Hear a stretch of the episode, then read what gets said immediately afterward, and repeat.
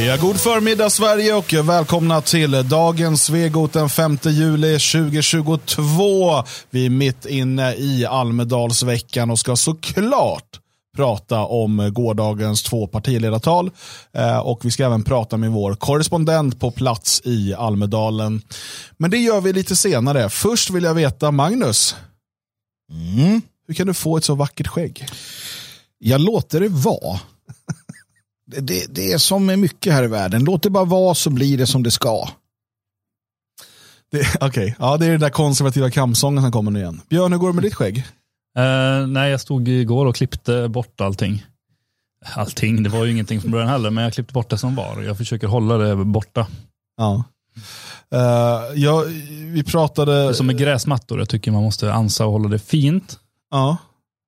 Kollar argt på Magnus. Okej, ja, nej, strunt i det. Det här är inte Skäggpodden, det är ett framtida projekt vi har. Det är det. Och det kommer vara många avsnitt. Live, direkt, timslånga. Med video. Med video, närvideo. Ja.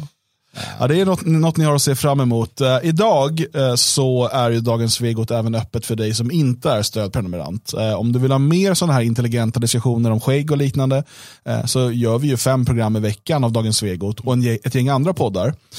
Och allt det här publiceras på svegot.se. För att få tillgång till hela arkivet så blir du stödprenumerant och det hittar du informationen där inne. Det kostar 50 spänn i månaden och då ser du till att vi kan fortsätta med den här verksamheten och du får tillgång till allting. Ganska enkelt val va, Björn? Man tycker det. Ja. Det tycker jag med. Hörrni, eh, vi eh, har ju som sagt en hel del att prata om idag så jag tänker att vi inte ska babbla bort för mycket med eh, prata skägg och sånt. Eh, utan vi börjar med att igår var det då Moderaternas och Vänsterpartiets halvdagar. Så där säger man tydligen nu, det står alltid i tidningarna. Mm. Idag var det Moderaternas halvdag. Ehm, jag vill återkomma till det här som var igår. Sossarna och Miljöpartiet har en varsin dag. Ja. Eh, men det är sämsta dagarna, första och sista. Hade inte de bara kunnat dela på en dag så hade man kunnat haft en dag kortare. ja, det hade man. Ja, men jag tror att det är ganska mycket så här, eh, det här är en balansgång mellan, mellan eh, typ lokala företagare som gärna vill att det ska hålla på i tre veckor och eh, journalister som gärna vill att det ska hålla på några dagar bara så att de kan åka dit och kröka lite men ingen lever orkar hålla på i tre veckor. Nej, och sen så lobb lobbyisterna som vill ha lite mm, däremellan så att de har tid att ha sina seminarier och sådär. Det, det, det är ju mycket annat än partiledartal som pågår. Det är ju... Det är ju som en stor mässa nästan. Ja, precis. Det, ehm, har, man, har man ju förstått. Jag har ju själv aldrig varit i Almedalen. Björn, du har varit där va? Ja, jag har varit där flera gånger. Uh, naturligtvis i och med att jag är från Gotland så när jag växte upp där så var det ju inte särskilt eh, stort överhuvudtaget utan det var partiledartalen och inget mer i princip. Sen eh, växte det sakta, sakta, men eh, sen flyttade jag därifrån, var inte där på många år, kom tillbaka och då hade det exploderat till något, eh, ett monster.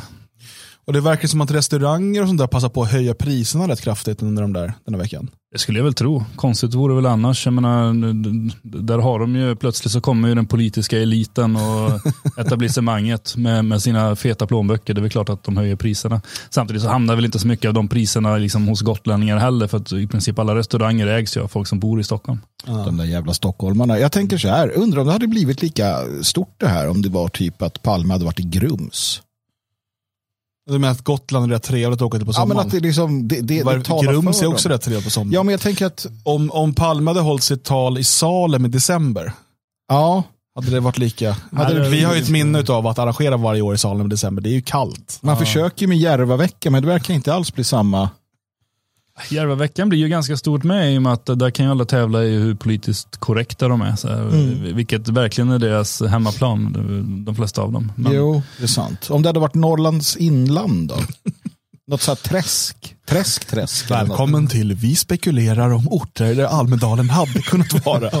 Ja. Jag bara undrar om det hade blivit lika stort. Men att det hamnade i Almedalen det är ju för att Palme hade ju sin sommarstuga på, på Fårö Ja. och passade på att avbryta Men semestern är inte det där också Ingmar Bergman? Ja, det är där alla och, och Thomas Bodström och alltså all- alla.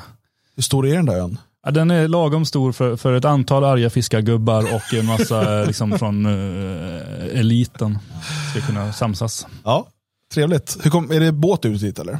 Det, ja, precis. Det går färja så man kan ju få bilen med sig. Ja, smidigt.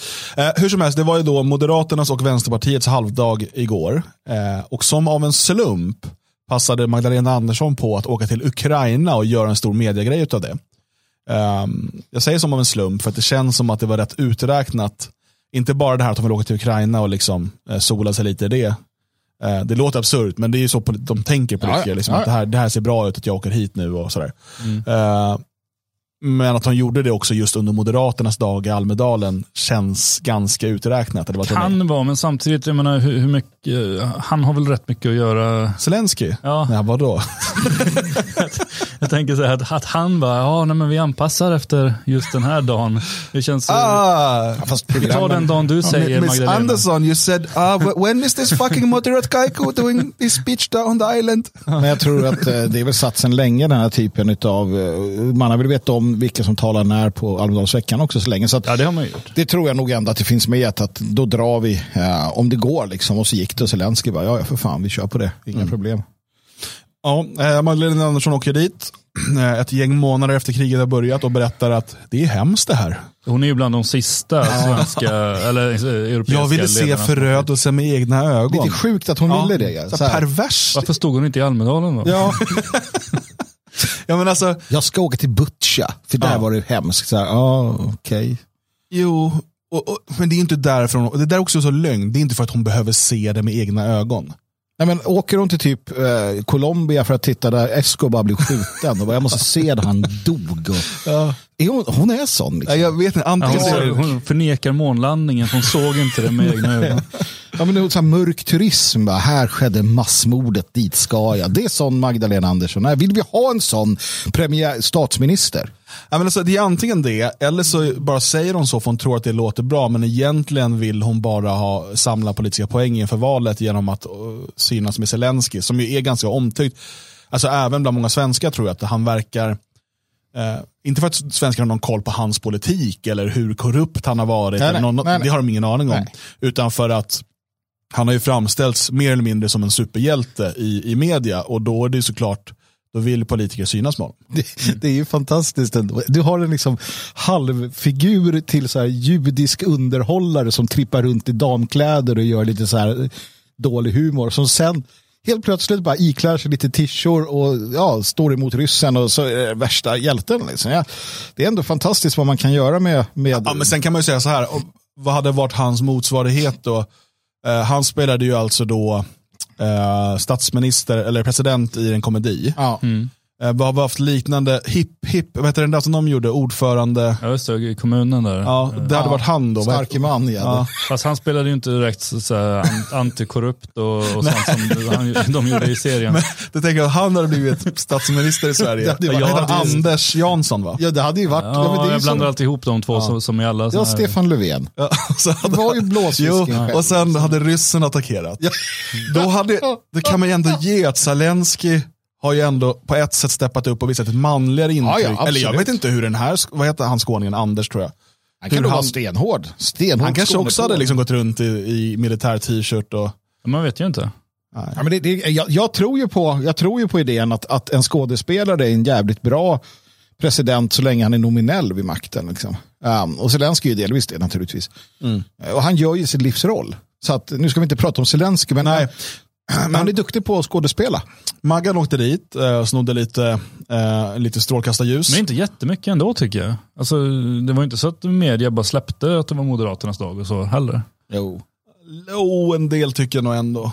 Alltså typ det handlar ju mer om Socialdemokraterna än Moderaterna i media igår. Ja, nu tittade inte jag så mycket i media förvisso. Jag gick in och tittade på talet och det sändes ju. Ja, just det, precis. Så där var det Ja, det, de, hade inte, de, de tänkte först, vad ska vi skita i hans tal? Så här, nej, vi sänder väl det. Men inte bara det, hon åkte inte bara dit då för att se det med egna ögon. Hon bara, Mm. jag kan inte släppa det här, att hon går runt och bara, har ni något döda jag kan få titta på? Gärna några så här lemlästade kroppar. Ja, ja, sjukt. sjukt Jag vill så. se dem med egna ögon. Jag vill ta en selfie ihop med ett lik. Ja, men eh, hur som helst, hon åkte dit ehm, eh, och, och så gav hon också en gåva. Ja, det är lite Just konstig gåva ändå. Eh, och, och det hon gjorde då, det var alltså ett, ett dokument, ett brev som hade, var från Karl XII till den svenska ambassadören i Konstantinopel som undertecknades då 1711. Eh, och då skriver Fria Tider så här. I brevet uppmanades ambassadören att verka för att ett område som idag är en del av Ukraina skulle få vara självständigt från den ryska tsarens styrkor. Eh, så det, det, finns ju någon typ av symbolik där att liksom eh, man, man, ville få bort ryssen från vad som idag, och jag antar kanske då, jag är osäker på hur det var då, men idag är ukrainsk mark. Ja. Eh, och det ska finnas någon symbolik i det. Det finns så mycket jag vill säga om det här. Ja, gör det då. Ja, jag börjar med att säga att vem fan gav henne mandat att ge Ja, bort det- ett historiskt dokument? Ja, men jag tänkte på också, och till ett land i krig.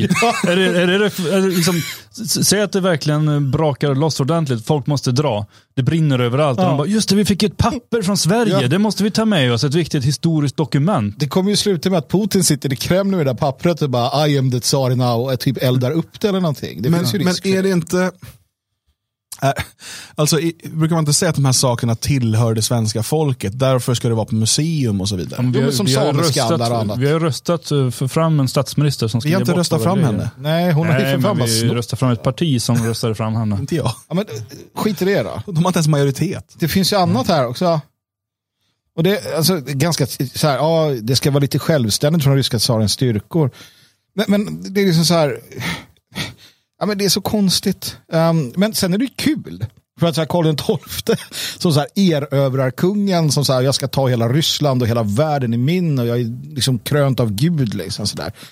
Uh, det liksom, efter att ha hållit tal där hon prisar Sverige och säger ja, Sverige hit och Sverige dit. Va?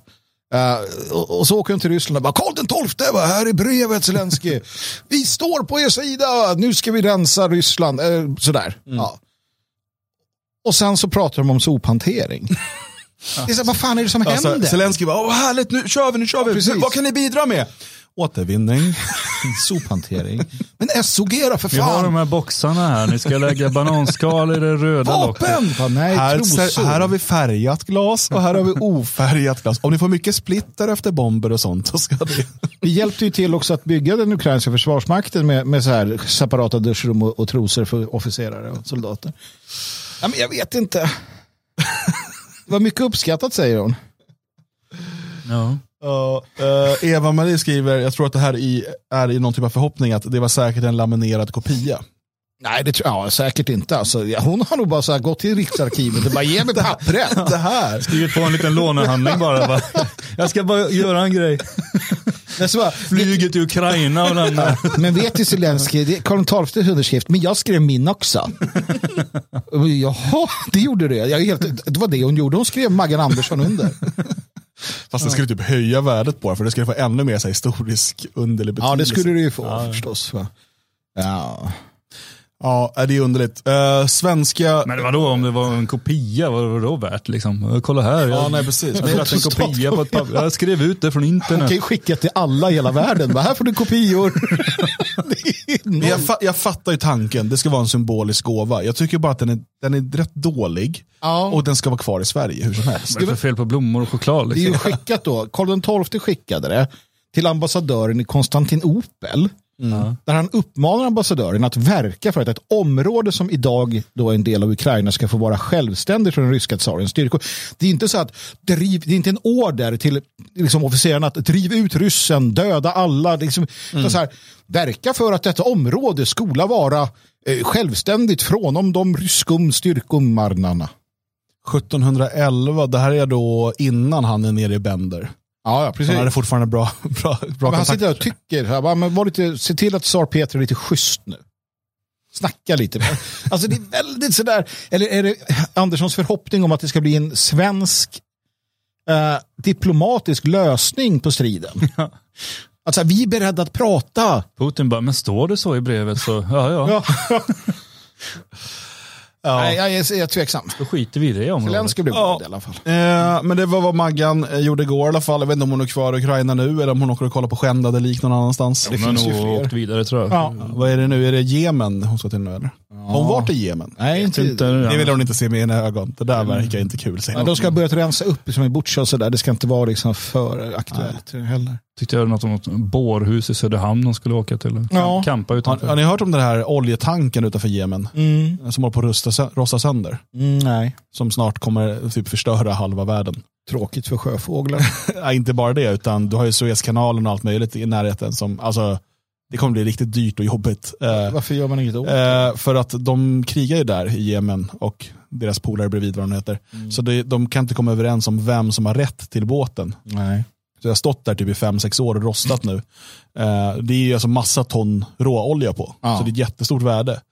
Eh, men eh, de kan inte, eftersom de bråkar om vem som ska ha rätt till lasten. Just Så istället så står det nu och det kan när som helst explodera. Mm. Men då får väl USA gå in och bomba Ja, men jag dem tycker också och bara det. ta Kan inte- skiten. De brukar ju, de bombar för mindre liksom. Man saknar ju ändå världspolisen lite grann. De höll ju ordning på sånt där. Ja. Karl XII saknar jag. Ja, jag med. Jag minns honom som igår. Kan inte Magdalena fixa det där? Mm. Åka med något jävla dokument. Bara, kolla här, o- oljan tillhör... Titta när oljan sipprar ut och dödar. Gustav den tredje hade ju en eh, grej med olja. Ja, just det. Eh, Okej, vi, vi lämnar det där bakom oss eh, och istället eh, något som eh, riskerar att drabba väldigt många eh, människor här de, de kommande veckorna, kanske till och med månaderna. Det är ju den eh, pilotstrejk som då utlystes igår eh, utav SAS piloter. Och det är samtliga piloter eh, i Sverige, Norge och Danmark, SAS-piloter, som går ut i strejk. Eh, påstås det i alla fall. Jag vet inte om, det, om alla är med i den här pilotföreningen, men, men det är 900 piloter. Eh, och det här gör ju nu att dels att SAS ställer in eh, massor av flygningar, tiotusentals eh, resenärer drabbas. Och även att man ser ut att gå mot en konkurs i SAS. För att nu måste man betala tillbaka alla de här biljetterna och så vidare. Det, det blir ju väldigt dyrt väldigt snabbt Det blir det ju. för ett företag som redan är på randen till konkurs, har varit på randen till konkurs många gånger, räddats av skattebetalarna så att de här piloterna kunde fortsätta jobba där och så. Ehm, och jag eh, har väldigt, väldigt svårt att känna sympati för de här piloterna. Du är lite arg Dan. Ja, men jag, jag, jag har så oerhört eh, svårt för dem. Eh, för att för det första så är det ett av de mest välbetalda arbetena som finns. Ja, det är också ett ansvarsfullt jobb, det är ett riskfullt jobb. Jag är inte emot att de har bra betalt i sig. Eh, det, det krävs en viss utbildning och så vidare. Men eh, alltså att, att använda sig av strejk så som de gör för sjätte gången nu på 12 år, bara SAS-piloterna. Det var ett annat år varje, Bara varannan sommar i princip.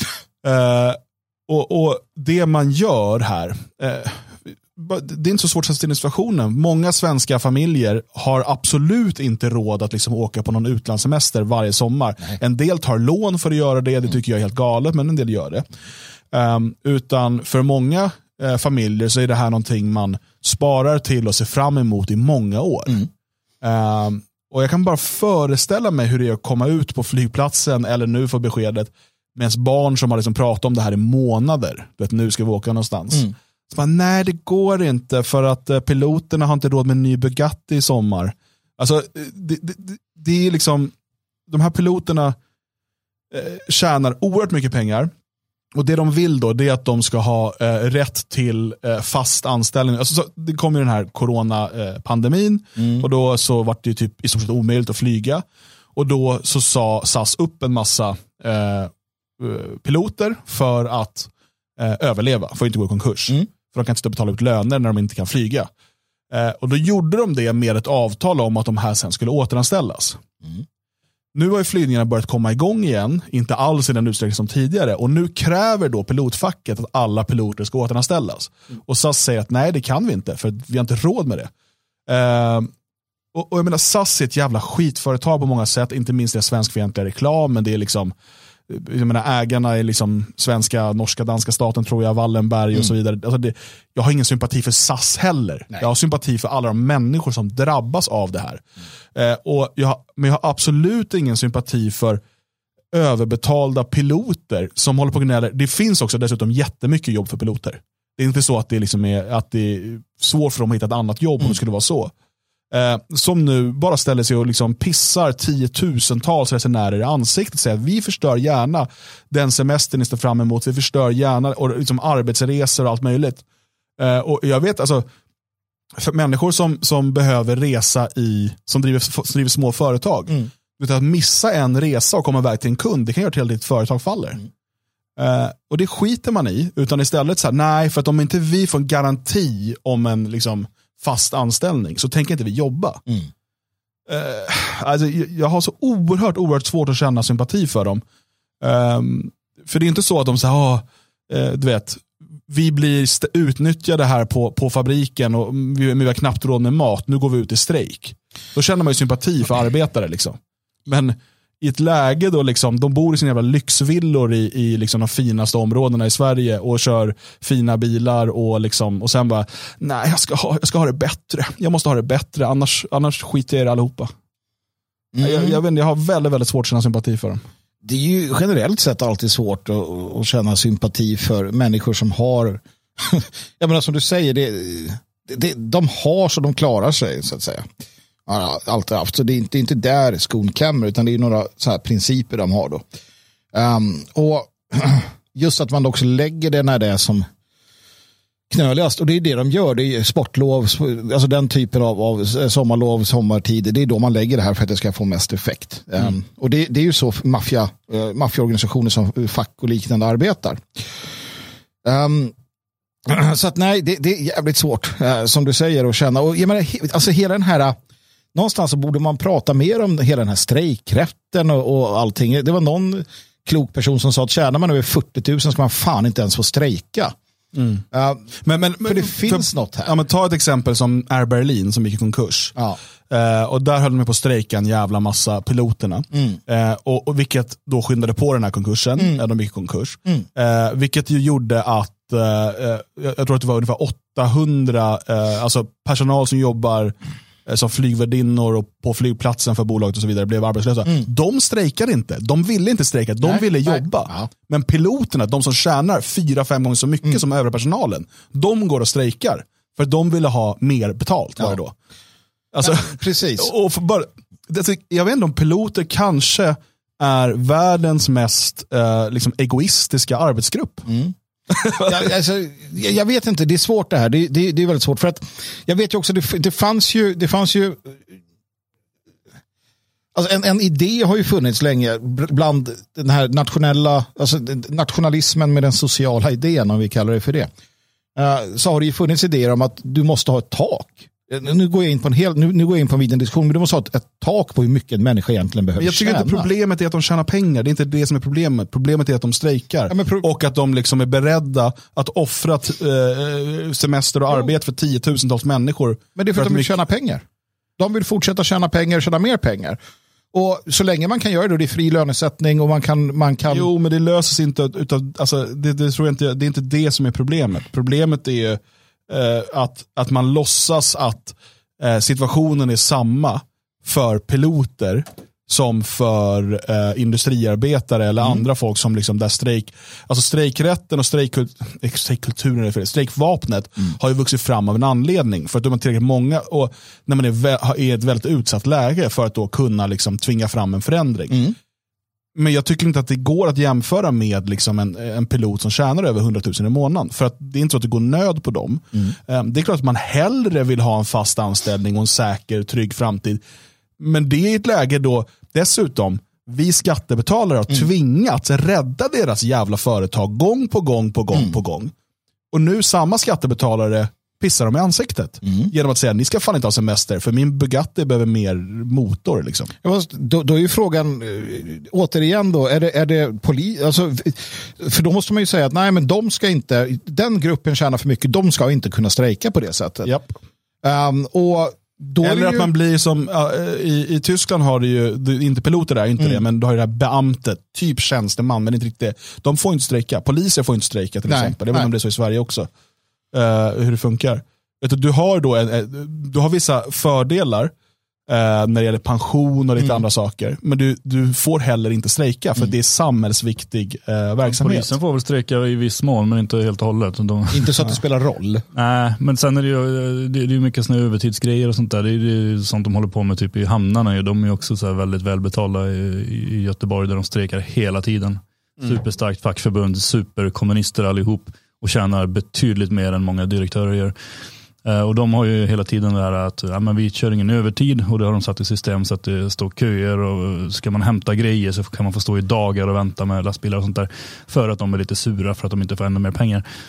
Eh, det, finns ju ett gäng sådana. Det, är det inte någonstans där sopåkarna också har jävligt bra betalt och springer runt med sina nyckelknipper liksom. Som bara, ah, men ni kan inte göra det här jobbet för ni kan inte reda ut det här. Så står de och viftar med sina nycklar så, så bara, ah, men vi kan lösa det med kodlås.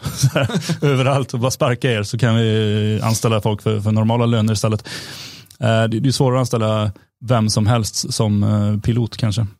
Ja, det som jag känner också är, eh, det är inte så jävla konstigt att eh, många företagare drömmer om automatiseringen och robotiseringen.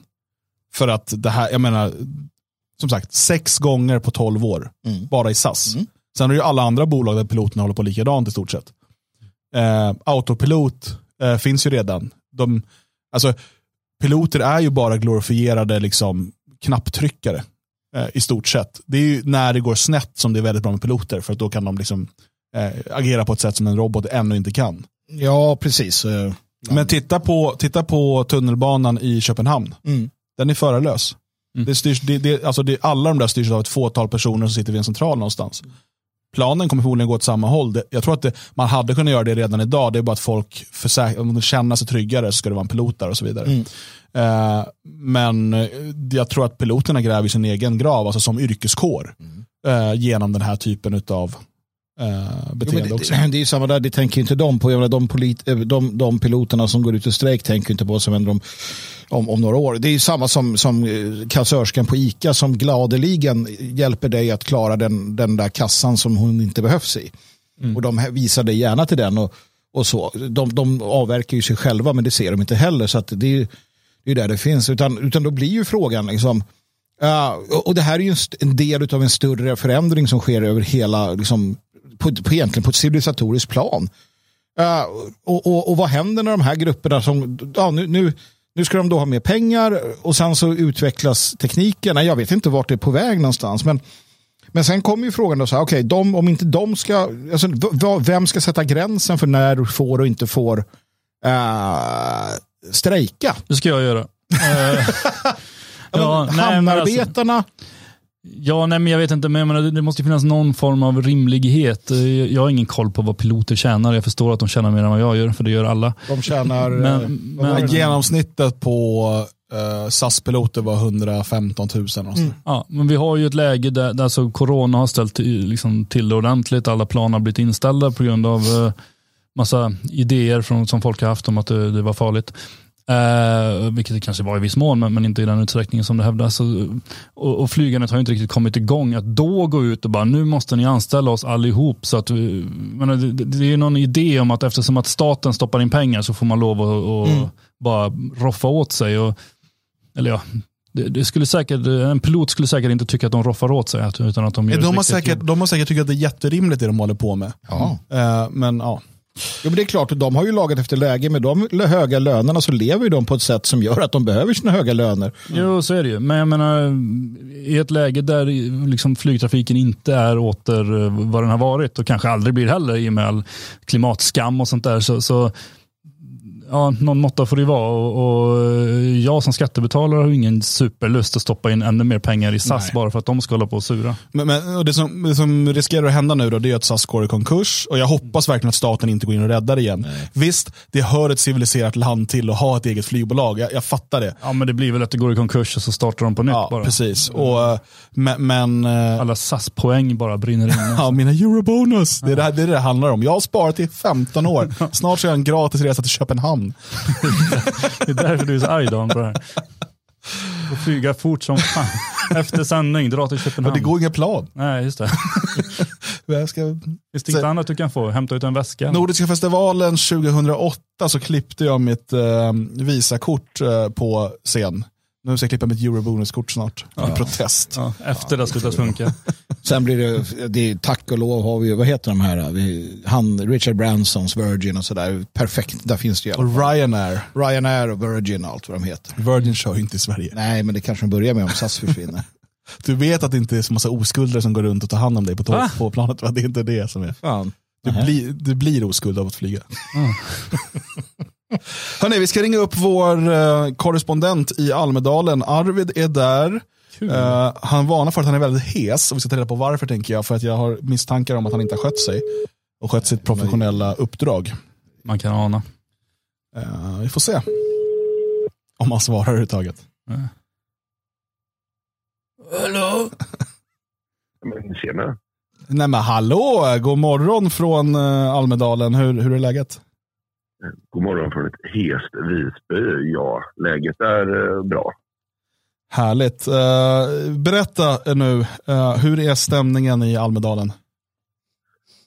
För det första skulle jag säga att jag tror att det är mindre folk än det var före pandemin. Så att säga. Alltså valåret 2018 var det nog avsevärt mycket mer folk här. Mm. Eh, avsaknaden av eh, nationalistiska upptåg är också tydlig. Just det. Du har, inte, du har inte sett någon AFS eller NMR eller några sådana där? Som... Nej. Nej. AFS har väl sagt att de bojkottar det hela för att de eh, tycker väl inte att det är värt det. Jag vet inte. Mm. Eh, och NMR har ännu inte synts på gatorna. Men vem vet, de kanske har ett S i rockärmen. Mm. Är det något annat som skiljer sig från tidigare år? Ja, det är det väl. Aftonbladet är inte här överhuvudtaget. Eller jag har inte sett dem i alla fall. Så är de här så har de en väldigt dålig plats. Det är lite... De har alltid stått i centrum innan väldigt mycket. Det Ja. låter väldigt avslaget det här. Jag, jag trodde att vi skulle få höra en sån här, äh, att det här och det här och nu, men det är så här, nej, ganska så här, äh, De, de som faktiskt är, är här mycket mer, som inte var här innan, det är de här alltså, digit, alltså Google och Meta. Ah. Som, eh, som kanske inte har varit lika eh, här innan. Men är det inte så att Almedalen går mer och mer åt att bli typ en företagarmässa snarare än ett politiskt? Alltså, Ja, precis. Och framförallt nu alltså den, här, alltså den nya typen av företag. Jag tror inte liksom svenska storindustribolag är nog inte här så mycket. mm. Utan det är mer techbolag, startups, IT-bolag. hur ser det ut med rysk närvaro? Finns det någon sån? Avsaknaden är total. Har du sett några militärer? Eh, ja, någon enstaka, men inte mer än, att, inte mer än vad ska man säga, paraderande. Ingen, eh, ingen eh, beväpnad. Har du hört några stridsflygplan? Eh, ja, det passerade en rotel igår. Var de svenska? Det- Ja, tur det. Partiet Nyans då, har de synts till någonting? enligt rykten så ska de dyka upp idag. Mm. Vi får väl se vad som händer. Sälja falafel eller? De städar på hotellet. Okej, men, okej, men berätta, du var på någon underlig eh, panelsamtal igår. Berätta, det var Meta som höll i det va? Meta höll ju ett panelsamtal och trolljägare Frida Boisen modererade. Mhm. Och det handlade alltså om ett öppet samtal om ett öppet samtal. Eh, Jag fann det hela något ironiskt, eh, vilket jag också berättade för dem. Ja, tyckte de att du var obehaglig? De, tyck, de, de förstod väl inte riktigt. Jag frågade, de pratade och det verkar vara ett, ett allmänt tema i år på Almedalen. Det är hot och hat mot politiker. Okej. Vad härligt. Synd om dem. Ja, precis. Nej, men, och, och då får jag, ni tror inte att, att det finns, att ni har liksom ett game med det här för att politiker och journalister framförallt har ju också utsatt helt vanliga människor för obehagliga repressalier, typ Jim Olsson. Mm. Eh, och, ja, jag vet inte. Det fattar de inte alls. Nej, bara, men man ska alltid stå för vad man tycker. Ja, jo, men då får man ju repressalierna också.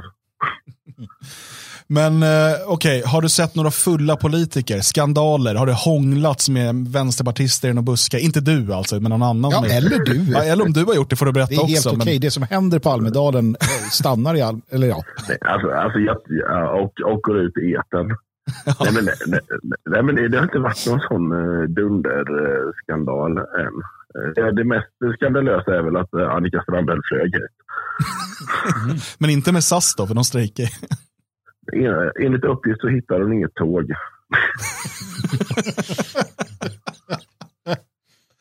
Ja, det är i och för sig inte så förvånande. Eh, annars då, kändisspotting. Är det någon, någon du har sett med rosévinet i hand? Är det något, något kul? Twitterpolisen Adolfsson, har du sett honom?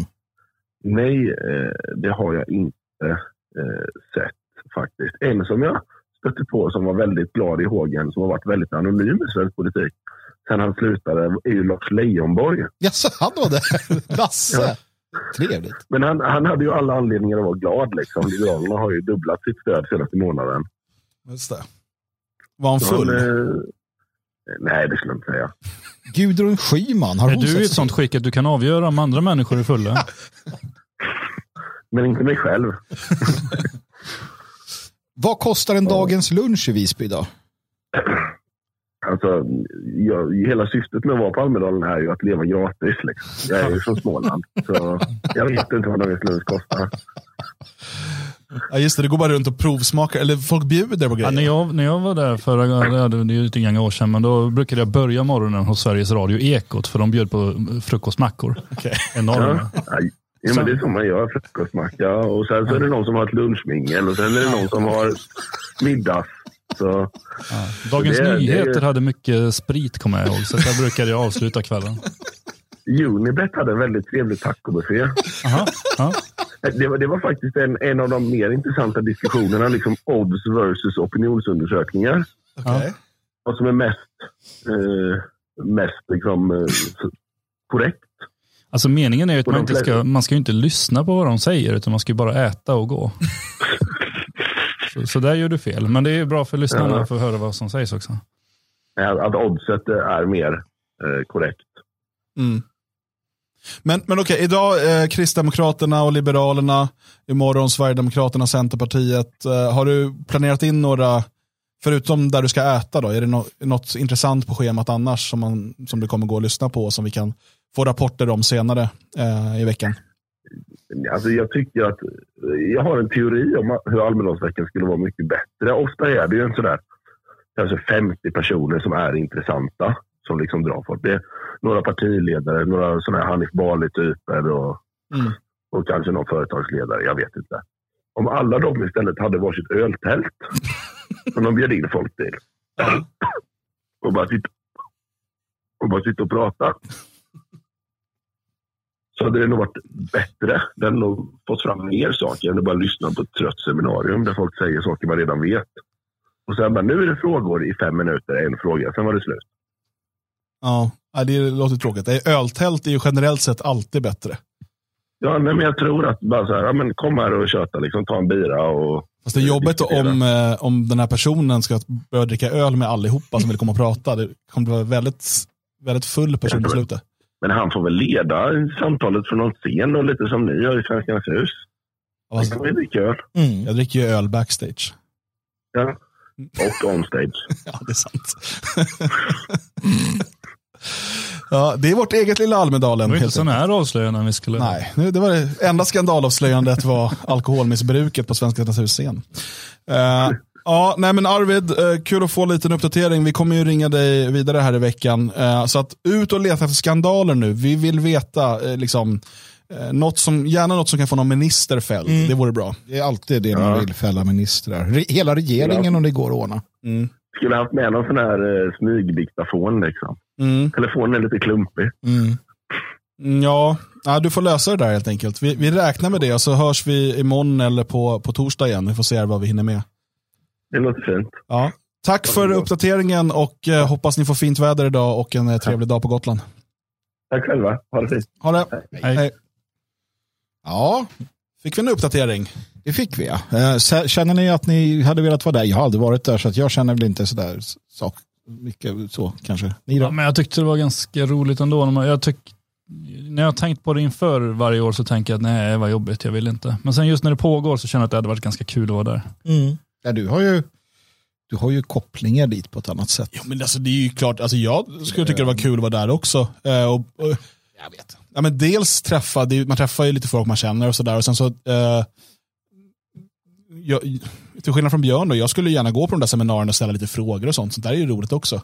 Ställa dem lite mot väggen. Eh, och sen, jag, menar, jag är ju inte från Småland, men om någon sa att det fanns, har du gratis sprit? Ja, rosé och sånt brukar det vara mycket. Lite öl och mest rosé faktiskt. Ja, det får man ju. Lite champagnekopior och Ja, nej, men det, Nej, jag hade skatteåterbäring. Att, att, att, alltså, kunna spela selfie-bingo eller någonting där, så- många som möjligt va? hade varit rätt kul. Men, Tog inte du några roliga selfies där Björn med några politiker? Nej, det gjorde jag nog inte. i- Ja, Det var andra SVP-medlemmar som tog till Mona Sahlin, nej? Ja, det var någon bild med Gudrun Schyman som blev väldigt uppmärksammad i Expressen eller något. Eh, Vill jag minnas. Men det, det är ju så konstigt. Ja. Igår då, två halvdagar som det numera heter. Eh, då hade vi eh, Ulf Kristersson som höll tal för Moderaterna och eh, Nooshi, dödsstjärnan Dad Gostar. Mm. Det, tänk, det är svårt att inte tänka på Star Wars när man hör hennes namn, eller? Ja, Varför då? Ja, Det känns, det känns, Star som- Wars. känns Star Wars över henne. Ja.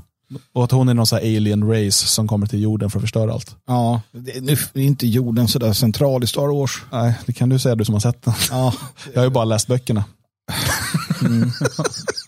När man försöker verka vara den intellektuella. Alltså. Hörrni, eh, vi ska lyssna på ett utdrag från eh, uh, Uff, Tuffe Uffes talar. Mm?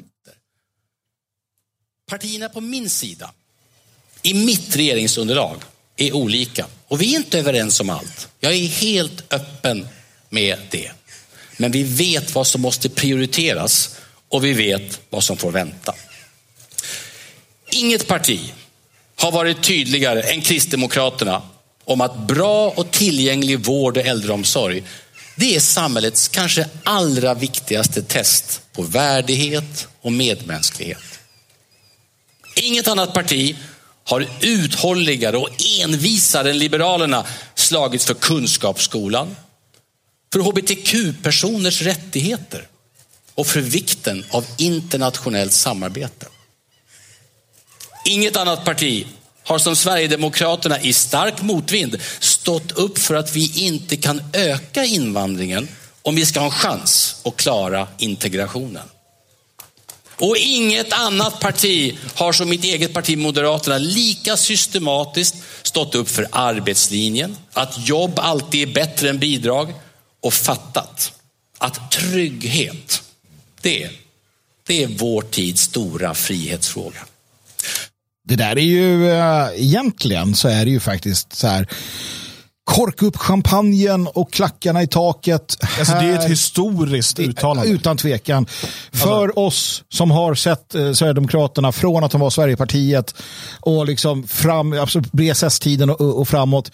Um, inträdet i riksdagen och det här nu när, när då Ulf Kristersson, moderatledaren, välkomnar dem in som jämlikar i, en, i, i sitt team.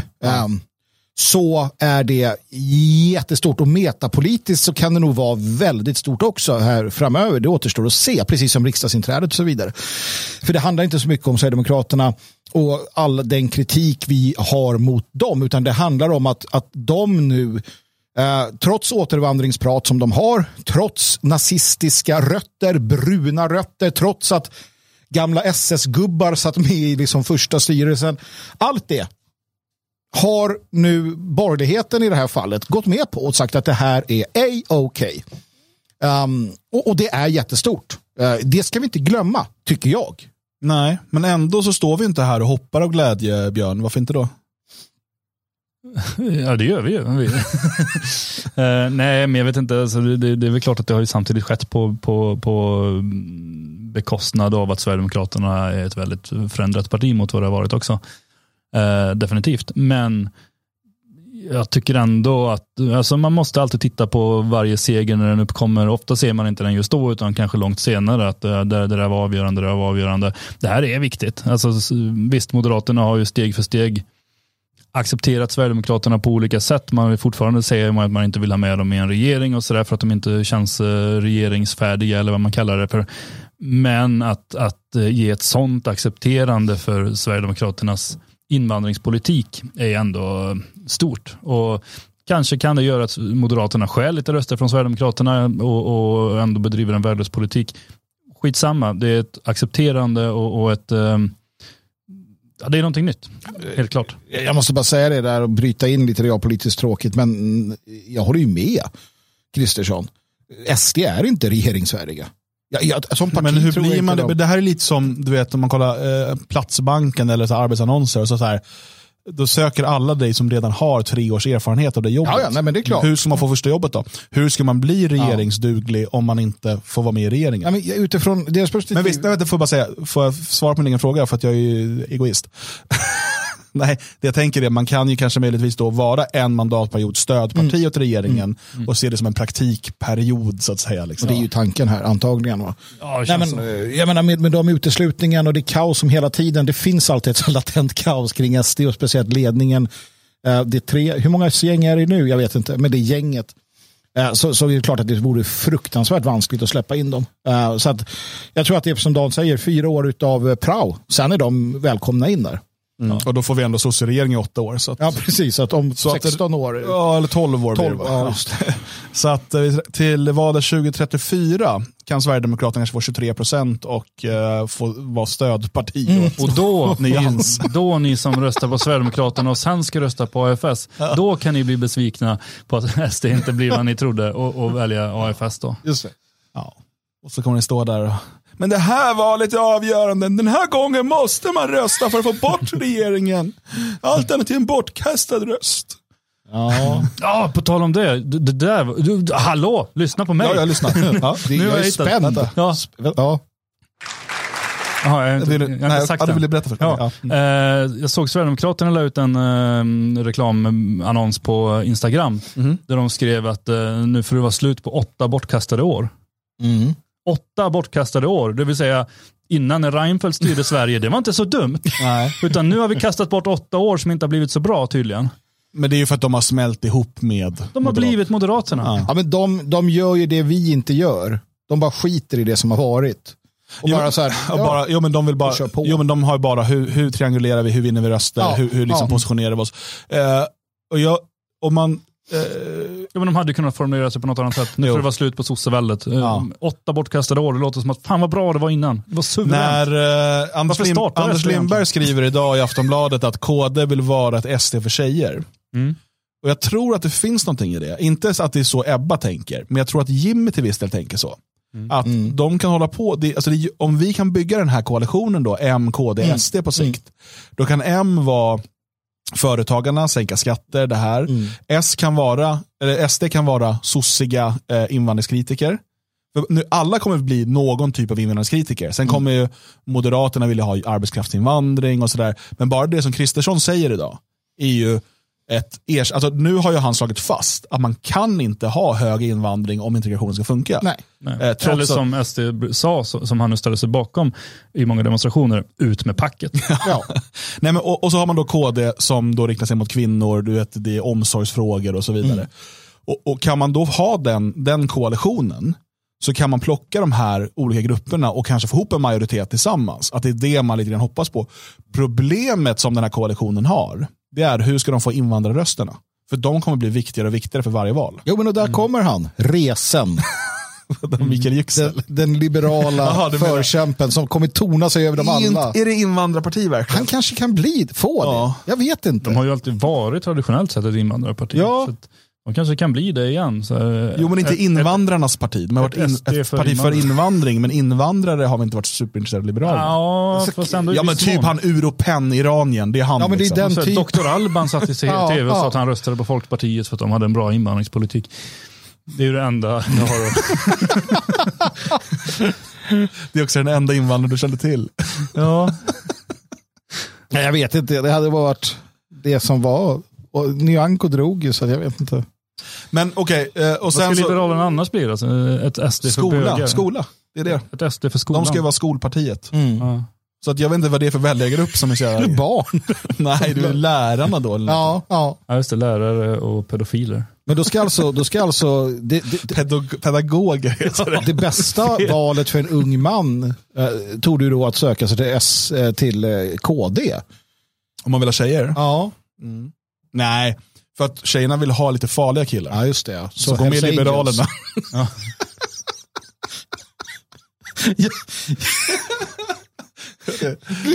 ligger KD-tjejerna ligger och smutsiga drömmar om liberaler på kvällarna. Det är ju så. Det, är ju så. det vet man ju. Uh, annars så var det ju, han lovade då att, uh, skatt, att inte införa några nya skatter eller höja några skatter. Mm. Så var det så under... ja, men, eh, nej. Nej, för han, för han slängde in en brasklapp där. Typ så länge det inte behövs. Eller ja, någonting. Så, så, länge vi inte kan visa att ingen krona slösas på något onödigt. Ja, det, här, det kan han ju bara säga direkt efter valet. Bara nej, det här, vi behöver pengar till det här och nu behöver vi höja.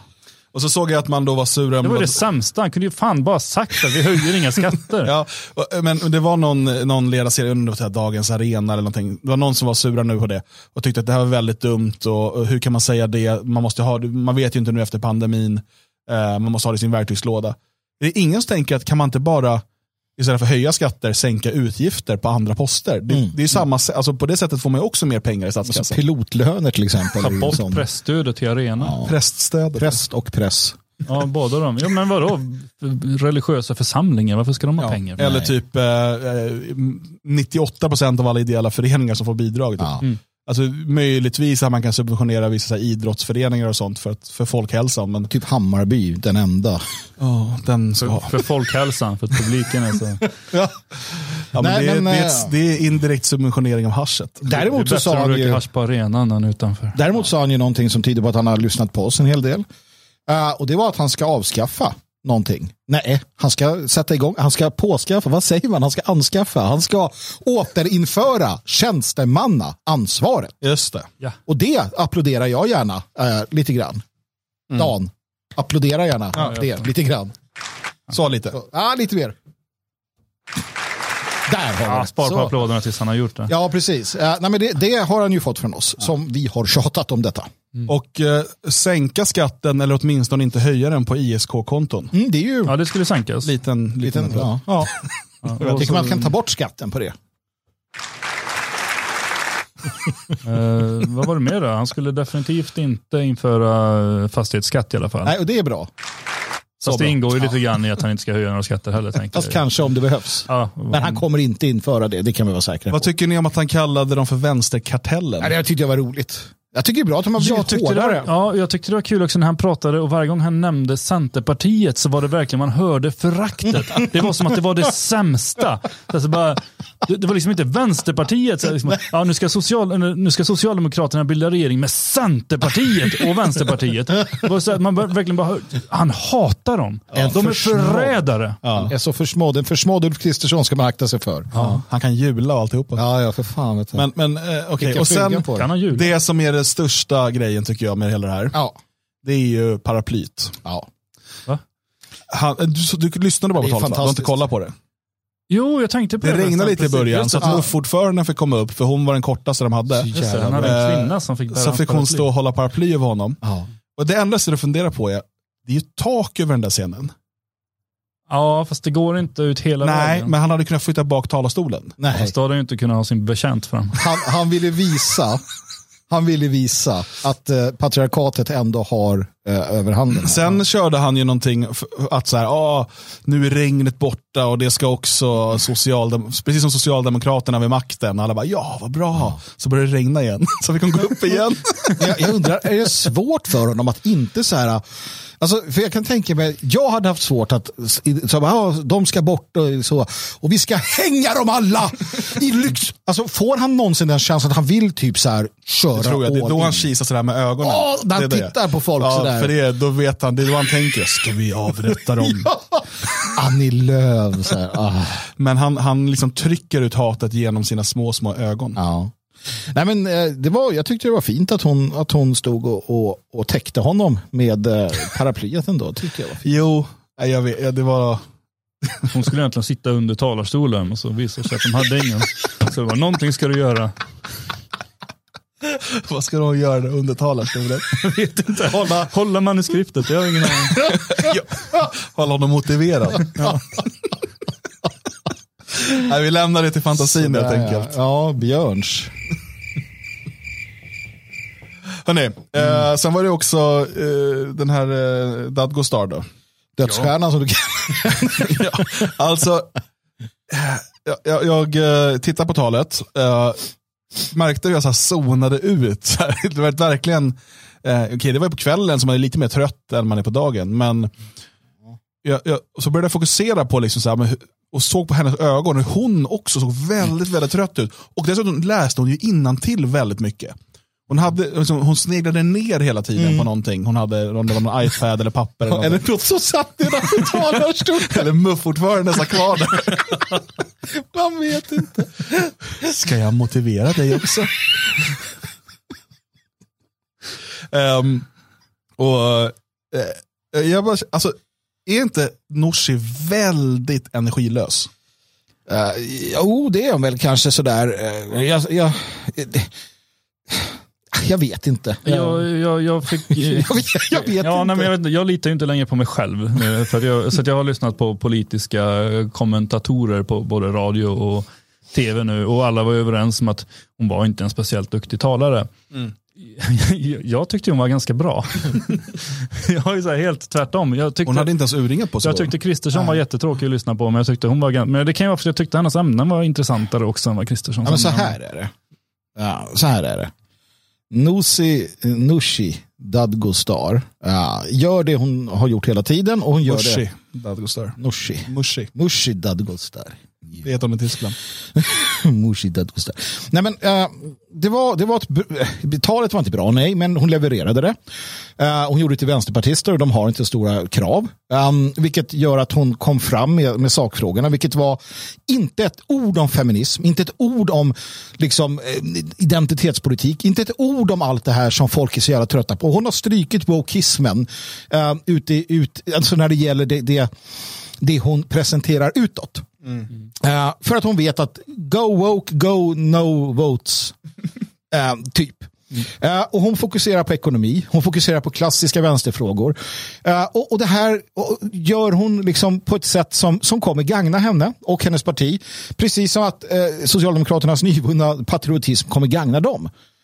Ehm, och, och alla, förutom Miljöpartiet kanske då, har släppt det här med eh, dumheterna och genus och hit och dit. Man nämner hbtq i förbigående och sådär, men det är inte det här som var för några år sedan. Ehm, det här liksom fokuset och det skulle vara prideflaggor överallt och liksom det där är borta nu. Eh, och hon gör det bra. Hon är en, eh, hon är, hon är, är hon kurd eller? Säkert. Det är väl alla. Alla de där är så här, men hon är en, en, en ung invandrartjej. Alltså, jag tror hon är från Iran, men om hon är kurd eller inte vågar jag inte svara på. Ja, men så här, ung invandrartjej som har lyckats och hon, hon liksom känner igen sin svenska, liksom börjar prata om hennes mor som var tvätterska och sådär. Jag vet inte, tog någon gammal gubbe som hade levt på, i början på 1900-talet. Hon visar att jag bryr mig om den svenska arbetarhistorien och så svenska arbetare bara ja, vi har en ung arbetartjej liksom, bla, bla, bla. Alltså, det, det funkar hur bra som helst. Alltså hatten av för Nooshi Dadgostar. Ja, nej, men hon, eh, det var ju på så sätt, ett, alltså, som att gå tillbaka i tiden, höra ett gammalt sossetal eh, av till exempel Möller som hon berättade massor om och- och fick med också att han var ung kommunist från början. Ja. Ehm, och, och allt det här med tvätterier och, och liksom hitta på någon 88-årig tant och vad fan det var. Ehm, snyggt levererat och jag tror att många socialdemokrater kände igen sig i det hon sa mer än vad många sossar brukar säga. Kanske att de i och för sig kände igen sig lite grann nu när, när sossarna också bör- börjar förändras. Alla förändras. Och det Vänsterpartiet definitivt till det bättre när man hör deras retorik. Men man ska ändå komma ihåg att vad de sen bedriver i verkligheten är ju en annan sak. Eh, jag menar, de, de- uteslöt den här politiska vilden som håller på och tjafsat och krånglat nu, men hon var ju ändå med i Vänsterpartiet innan. Det är ju sådana typer de har. Det är ju massa, jag, jag, jag kan tänka mig att många unga vänsterfigurer tyckte att talet var lite jobbigt och krångligt och irriterande, för de har gått med för att de är inbitna antirasister, för att de är feminister, för att de har rosa hår och springer runt på bögparader. Inte för att de är intresserade av ekonomisk politik eller hur arbetarna har det. Eh, så, så för dem kan det nog bli lite konstigt och där kanske man kommer att se nu framöver från unga människor att de börjar röra sig bort mot grön ungdom istället för att där finns de frågorna. Medan um, vänstern kanske återigen kan börja hitta mer arbetarväljare. Mm. Ja, nej, det, precis. Och det, det vore en intressant utveckling. Det, det hon tryckte på bland annat då, det var ju det här med, precis som sossarna då, att de ville stoppa vinstuttag i skolorna och sådär. Eh, och hon menar ju också att det här går bara att genomföra i ett samarbete med Vänsterpartiet.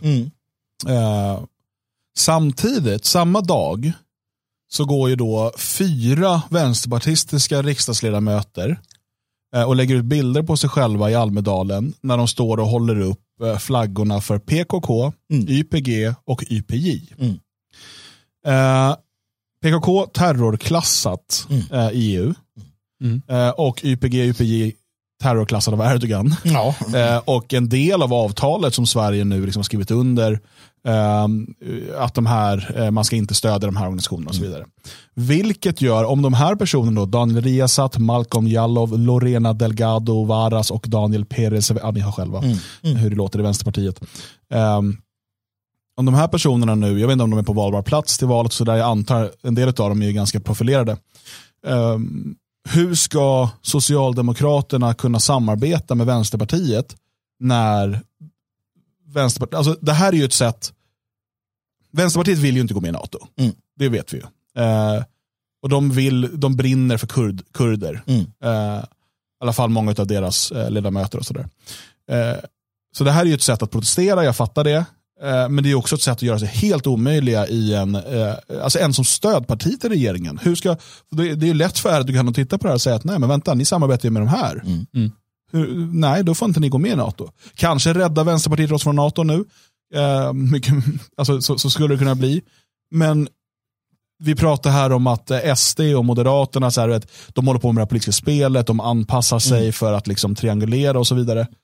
Vad gör Vänsterpartiet här? Hur, hur, vad är strategin bakom det här? Ja, men alla de, de, vänsterblocket om man säger det, de är ju väldigt spretiga just nu. Och det är, alla har också sån panik för att eh, få, få uppmärksamhet. Så att, eh, det här är ju vänsterns eh, sätt att göra det på. Jag, jag, jag kan tänka mig att vi kommer se utspel från Miljöpartiet på deras dag också som kommer ställa dem en bra bit ifrån sossarna, för det är deras enda sätt att överleva. Så hur ska de annars bli omvalda? De har varit stödparti åt sossarna. De genomförde det så kallade invandringsstoppet 2015. Nu måste de ju verkligen visa att de inte är socialdemokrater. Så att, eh, jag tror det kommer bli mer och mer spretigt där medan eh, Moderaternas stödpartier mer och mer blir moderater. Nooshi Dadgostar var ju väldigt tydlig också med att eh, hon, hon står bakom det här som du, du, du, tog upp Dan, med tanke på att hon, hon omnämnde just Erdogan som despoten. Mm. Det är ett ganska så här, ganska hårt hård retorik mot... Jo, för det här är ju samtidigt som Magdalena Andersson är helt brun runt munnen mm. efter allt hon har gjort för Erdogan. Liksom. Mm. Precis. Uh, så att det, det, jag, jag, kan tänka mig att Nooshi kanske inte tycker att det här var det bästa som de här, de här människorna kunde göra. Men hon öppnar också upp dörren för det. Hon, hon har en svår balansgång att gå. Å ena sidan vet hon och hennes strateger mycket väl att de behöver de här eh, de här andra väljarna. För det, det duger inte med den här typen av invandrarröster um, som är liksom på samma gång eh, tokiga på andra sätt. Uh, identitetspolitik och så, det, det räcker inte uh, för att ha det inflytande hon vill ha. Å andra sidan kan hon inte fjärma sig från dem, för då drar de till Miljöpartiet. För där kommer det finnas, som jag tror att Björn är inne på, det kommer bli hopp i galen tunna. Alltså. Mm. Um, för det är det enda sättet att, lycka, att dra till sig varenda tokstolle. Mm. Um, så att vi får se. Mm. Ja, jag menar med, med, med Feministiskt initiativ i princip uträknat nu så, så kan det ju finnas en bra chans för... Det finns inga sådana där uppstickarpartier till vänster va? Alltså, för vi har ju då, om vi kollar till höger, så har vi AFS, vi har Medborgerlig Samling, vi har lite sådana där. Mm. Och så har vi partiet Nyans då. Mm. Men det finns ju inget, alltså som Fi då var en gång i tiden. Nej, Fi har ju tappat extremt mycket och de har uteslutit Gudrun Schyman i och med att hon har startat ett nytt parti som heter Klimat någonting. Ja. Uh, och de, eh, man hör ju inte mycket om dem Klimatalliansen, är det? Ja, det kan det vara. Men man hör ju ingenting om dem heller, så jag tror inte de eh, direkt kommer vinna några större ja. mängder röster. Det är ju lite synd, för att det är alltid kul när, när vänstern så att säga tar röster av varandra. Ja, men det är samma här. Alltså klimatpolitiken, det är ju någonting som man tar upp på ledarsidor. Politikerna, de, de pratar alla om att de är progressiva i den här frågan, absolut. Men det är fortfarande så, till och med du, du sa ju det då vi pratade tidigare, Vänsterpartiet som skippar klimatpolitiken för man inte vill skrämma eh, väljarna mm. på landsbygden. Så man pratar inte så mycket om det, man pratar inte om den här enorma, man pratar om att vi behöver göra en grön omställning, man, man pratar om att vi behöver liksom, tänka på miljön och sådär. Men det är inte det här att alla ska gå på knäna och äta liksom, gräs för att annars dör jorden. Um, det är inte på den nivån längre. Eh, och det är samma med Maggan Andersson. Alltså egentligen hela, hela klabbet har ju slutat. Ja, förutom kanske då Centerpartiet delvis. Men samma där, man vill ju inte skrämma bort bönderna heller. Så att nu är det krig.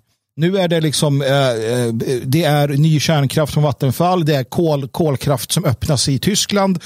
Eh, man inser att fan också, det här gick ju inte.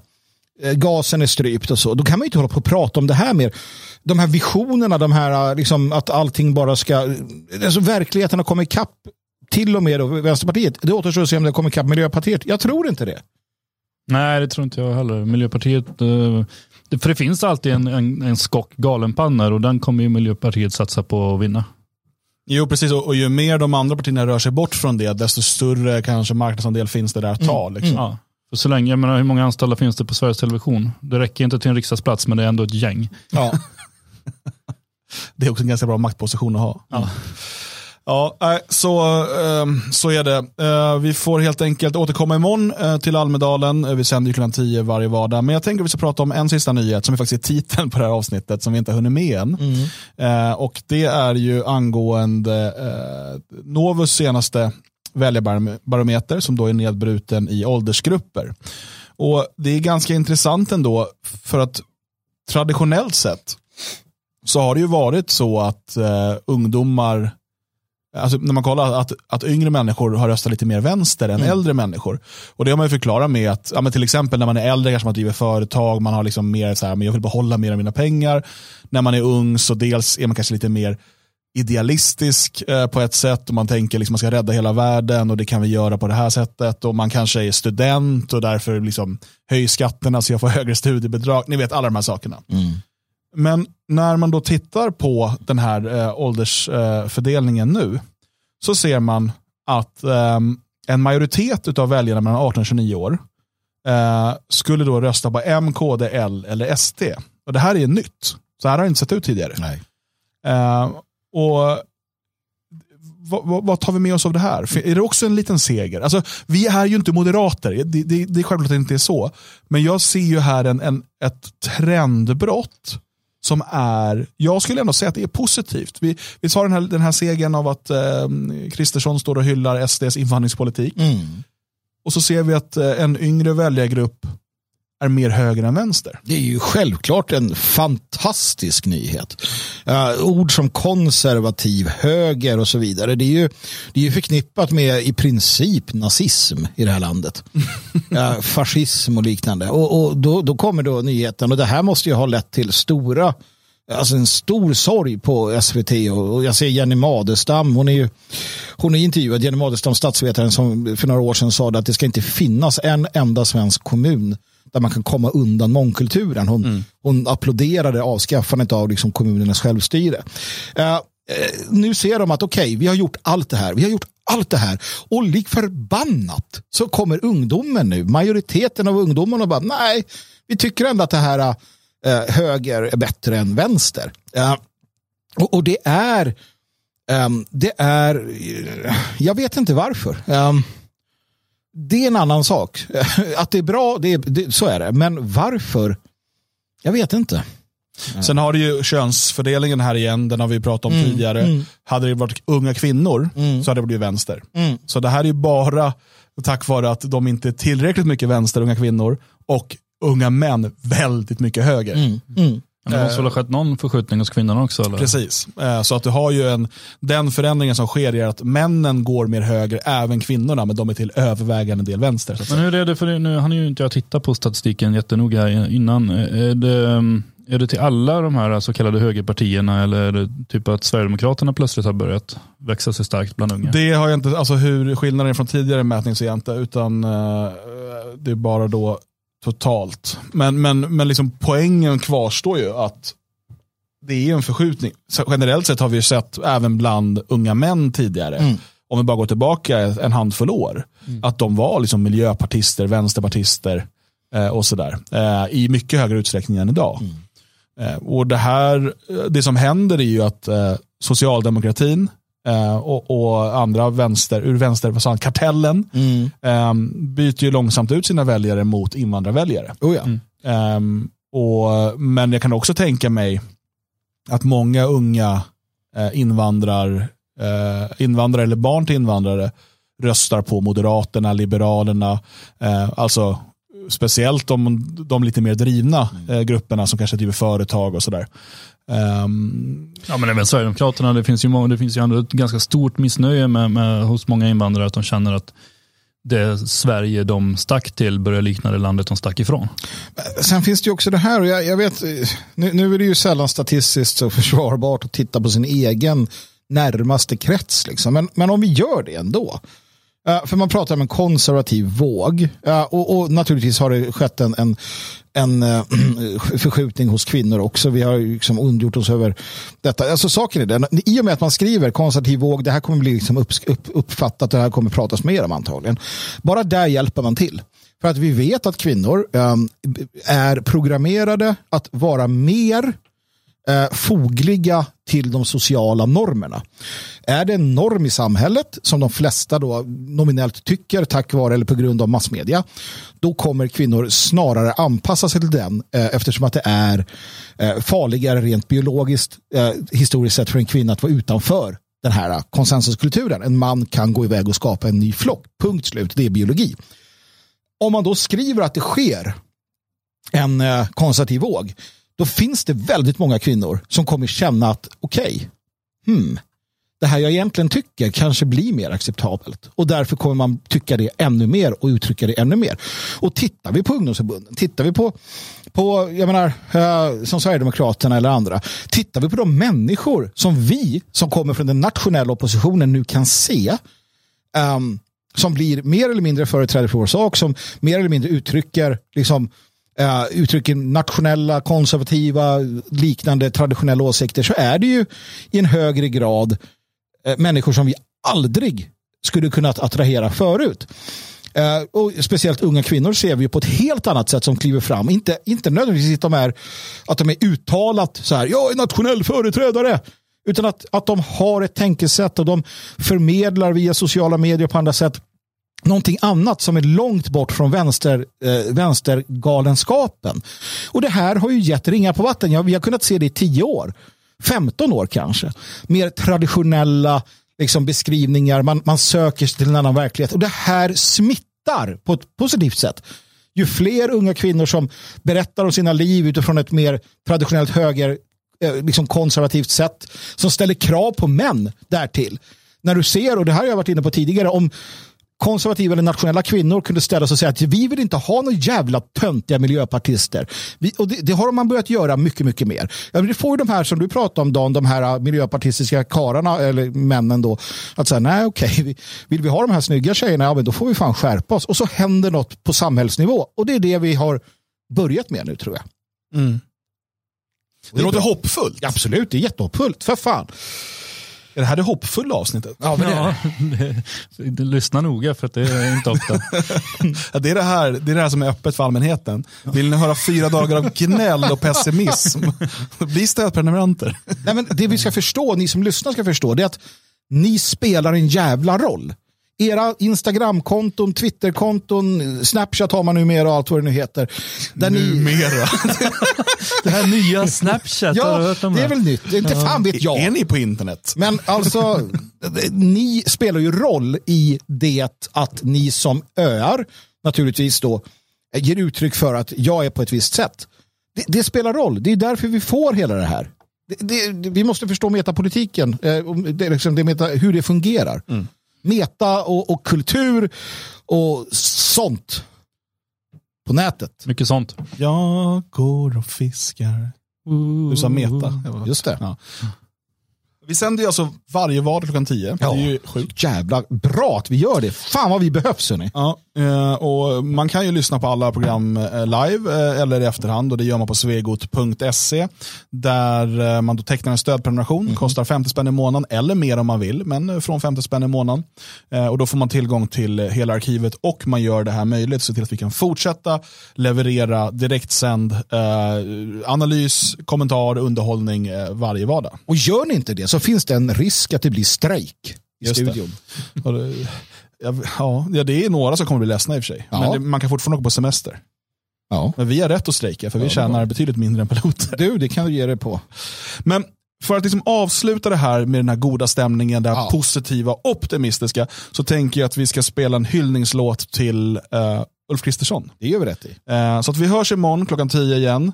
Uh, och um, ja, ha en riktigt härlig tisdag.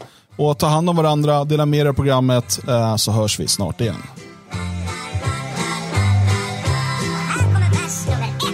När smurfer ställer till med fest så vet vi hur man festar bäst. De fixar korv